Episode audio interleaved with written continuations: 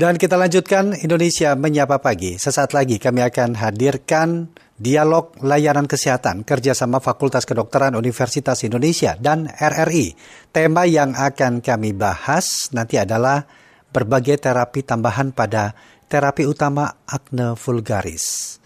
Mungkin ada penanganan yang hal yang ada menganggap hal ini seperti biasa tetapi siapa tahu perlu membutuhkan penanganan medis. Demikian atau sesaat lagi kami akan hadirkan dialog layanan kesehatan pagi hari ini. Dialog Kesehatan Berbagai terapi tambahan pada terapi utama acne vulgaris tema kita dalam dialog layanan kesehatan dan nanti Anda dapat berinteraksi bersama kami 021 352 3172 386 2375 384 4545 386 6712 dan saat ini kami sudah tersambung bersama dengan Dr. Dr. Irma Bernadette SPKK dari Departemen Dermatologi dan Venereologi. Selamat pagi, Dr. Irma, apa kabar? Selamat pagi, kabar baik. Bapak ya. bagaimana? Sehat? Sehat kita semua di sini, dokter. Ya. Dan tentunya ini tema yang mungkin sering dibicarakan, tetapi uh, siapa tahu ternyata ada hal-hal yang lebih penting dalam penanganan medisnya. Kalau mendengar kata ya. acne itu kan jerawat ya dok ya? Atau mungkin bisa dijelaskan ya. dulu. Sebenarnya apa sih yang dimaksud dengan acne vulgaris ini? Iya, betul sekali. Uh, terima kasih Pak. Jadi acne vulgaris itu adalah uh, nama ininya, nama medisnya dari eh, dari jerawat mm -hmm.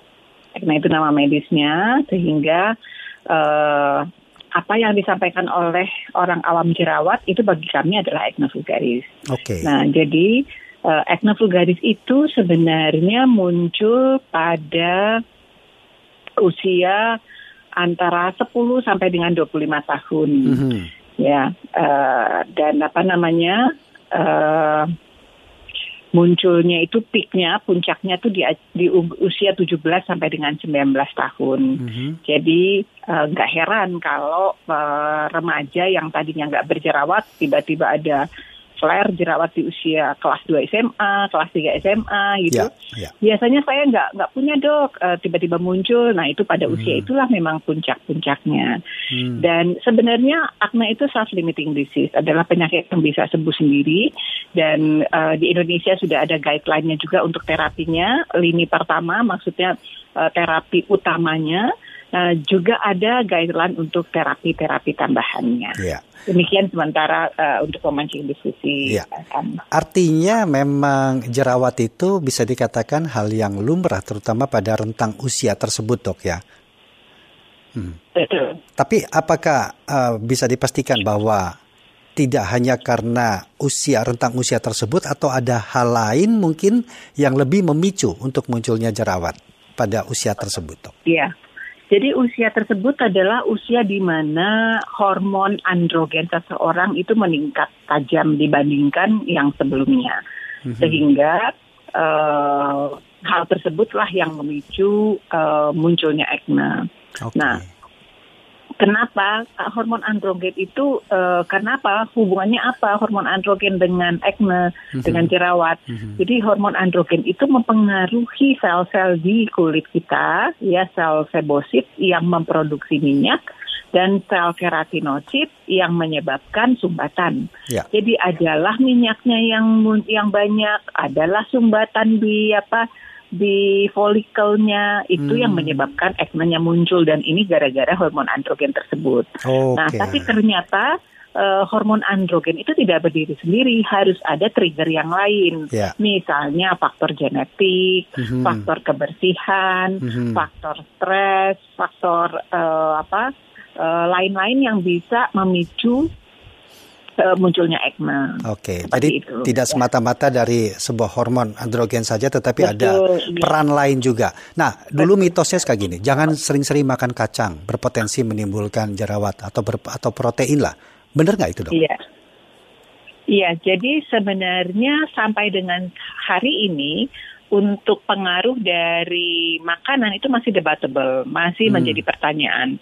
Ada kubu yang setuju, ada yang kubu yang bilang enggak eh, pengaruh makanan itu sangat minim. Jadi ya. sampai sekarang kita belum bisa mem, apa ya, ya. mengeduket pasien Oke. agar hindari makanan ABCD.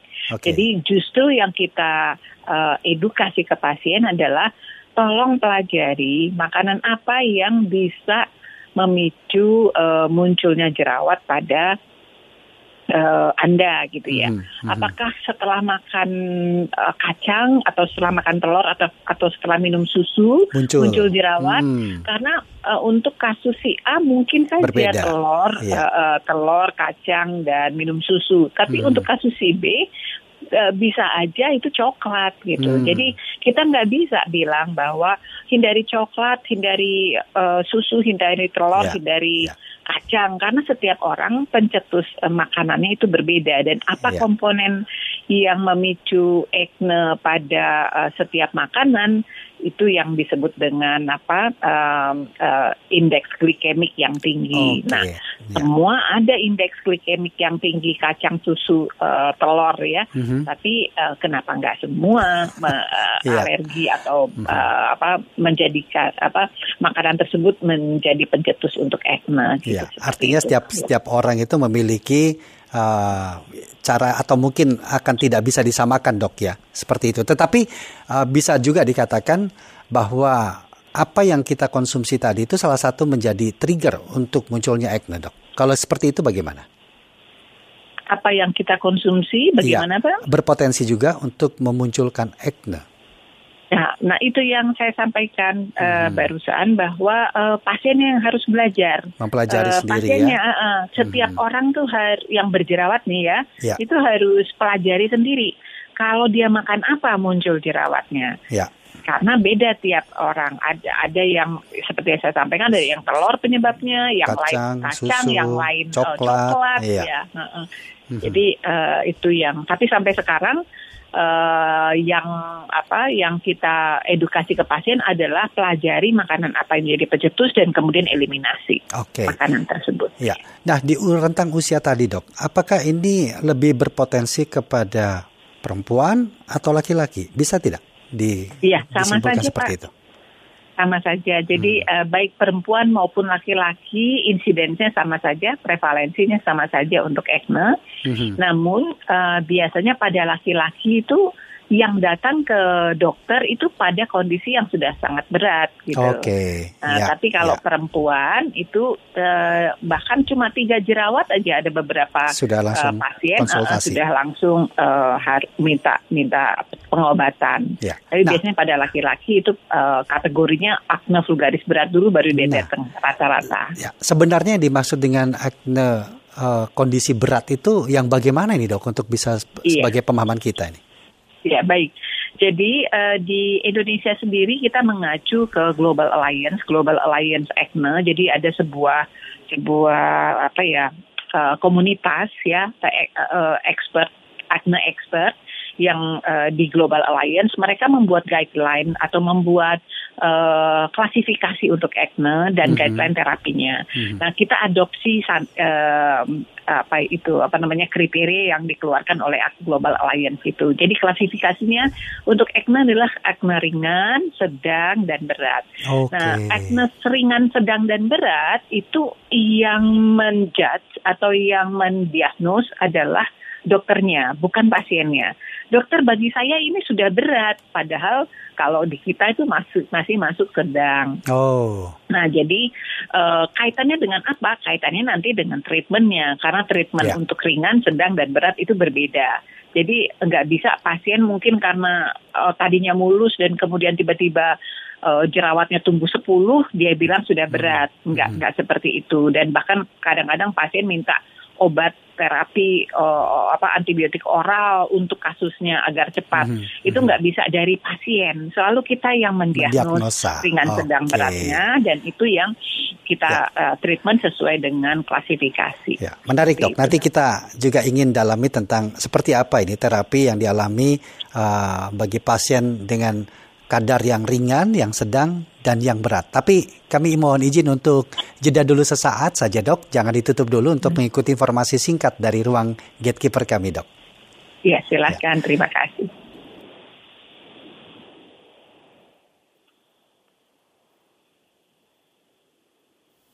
Kilas Berita. Kilas Berita.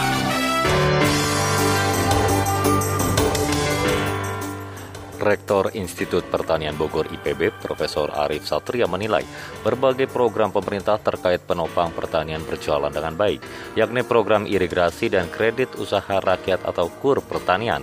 Hal tersebut dilihat dengan adanya penghargaan yang diperoleh Indonesia dari Organisasi Pangan dan Pertanian atau FAO, serta adanya penghargaan dari Institut Penelitian Padi Internasional. Untuk informasi ini dan informasi lainnya, pendengar dapat mengakses di laman resmi kami rri.co.id.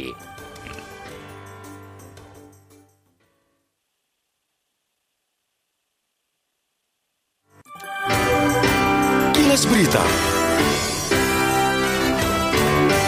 Pro 3, Jaringan Berita Nasional. Dialog Kesehatan. Baik pendengar, kita lanjutkan dialog layanan kesehatan pagi hari ini. Masih bersama dengan Dr. Dr. Irma Bernadette SPKK dari Departemen Dermatologi dan Venereologi mengenai tema kita berbagai terapi tambahan pada terapi utama acne vulgaris. Kami undang Anda yang ingin berinteraksi secara langsung, bertanya mungkin tentang tema kita, hubungi kami di 0213523172, kemudian 3862375, 384 4545 386 6712 atau melalui WhatsApp kami di 081 399 399 888 sambil menunggu pendengar ini Dokter Irma. Sebenarnya tipikal masyarakat kita itu lebih kepada sangat memperhatikan atau bahkan mengkhawatirkan tentang kemunculan acne ini sendiri atau lebih cenderung cuek, Dok? Iya, terima kasih. Uh, jadi sebenarnya itu tergantung dari dari pekerjaan si pasien, kemudian lokasi geografis, ya, ya. ya. lalu kemudian tentunya jenis kelamin, hmm. ya, dan usia yang keempat. Hmm. Ya. Hmm. Lalu uh, tadi saya sampaikan bahwa usia 10 sampai dengan 25, 25 ya. itu rentang uh, acne, tapi bukan berarti acne itu nggak ada di atas usia 25 tahun. Hmm. Ya, yang kita bilang adult acne ya, okay. 25 sampai dengan 40 tahun. Okay. Ya nah, itu uh, sekitar 15 persen prevalensinya acne terjadi pada usia di atas 25 tahun. Oh. Nah, itu tadi yang saya sampaikan bahwa yeah. tergantung dari jenis kelaminnya, tentunya perempuan lebih aware terhadap kebutuhan akan terapi acne. Yeah. Lalu uh, lokasi geografis, jadi di Jakarta itu lebih uh, aware terhadap ke apa ke mm-hmm. kebutuhan akan terapi acne dibandingkan di daerah Papua tentunya mm. ya yeah. atau di uh, daerah uh, NTT misalnya. Yeah. Jadi letak NTT geografis itu juga atau, sangat berperan betul. juga ini dok ya. Iya, mm-hmm. lokasi perifer lah ya, yeah, uh, lokasi yeah. perifer. Lalu kemudian usia, usia yang masih membutuhkan uh, apa ya namanya uh, aktualisasi diri okay. ya yang belum mapan yeah. itu juga yang lagi yang sedang labil seperti yeah. remaja itu mereka membutuhkan perhatian yang lebih ya uh, jadi uh, itu hal-hal yang bisa mempengaruhi apakah seseorang itu membutuhkan terapi lebih lanjut mm -hmm. untuk acne-nya atau tidak. Baik. Nah, sekarang masuk ke terapinya nih dok. Sebenarnya uh, bentuk atau tahapan terapinya bagaimana bagi mereka yang uh, ringan, kemudian sedang atau bahkan berat sendiri, atau bahkan mungkin yeah. bisa sendiri secara mandiri di rumah. Iya, yeah, baik. Uh, prinsipnya uh, sebaiknya terapi acne itu dilakukan sejak awal. Iya, mm -hmm. yeah. kenapa? Karena beberapa kasus pasien ya yang acne, nggak semua betul, akan terjadi sequelae. Sequelae itu adalah gejala sisa. Apakah itu scar yang bopeng-bopeng ya. ataupun bercak-bercak coklat ya. di kemudian hari. Nah, mm-hmm. apakah si pasien A akan mendapatkan sequelae ini atau tidak? Itu yang kita tidak tahu. Oleh mm. karenanya anjuran dokter kulit, ya, tolonglah ya. terapi acne itu sejak awal. Ya. Nah, daripada nanti punya tendensi uh, mempunyai scar hmm. di kemudian hari dan baru meng, uh, apa baru mencari pengobatan itu ketika ada skarnya, ada bopeng-bopengnya. Mhm. Terus kemudian nyesal, kenapa ya nggak dari dulu saya diobati pada saat acne. Nah itu oleh karenanya edukasi dokter kulit adalah di awal eh, mengalami acne itu sebaiknya saat itulah di terapi. Lalu acne vulgaris ringan, acne vulgaris ringan itu tidak ada obat yang dikonsumsi. Oke. Eh, jangan salah, kadang-kadang pasien juga ingin, dokter saya ini biasanya nggak pernah ada jerawat, tapi tiba-tiba ada merah-merah 10 biji ini, tolong saya kasih obat minum.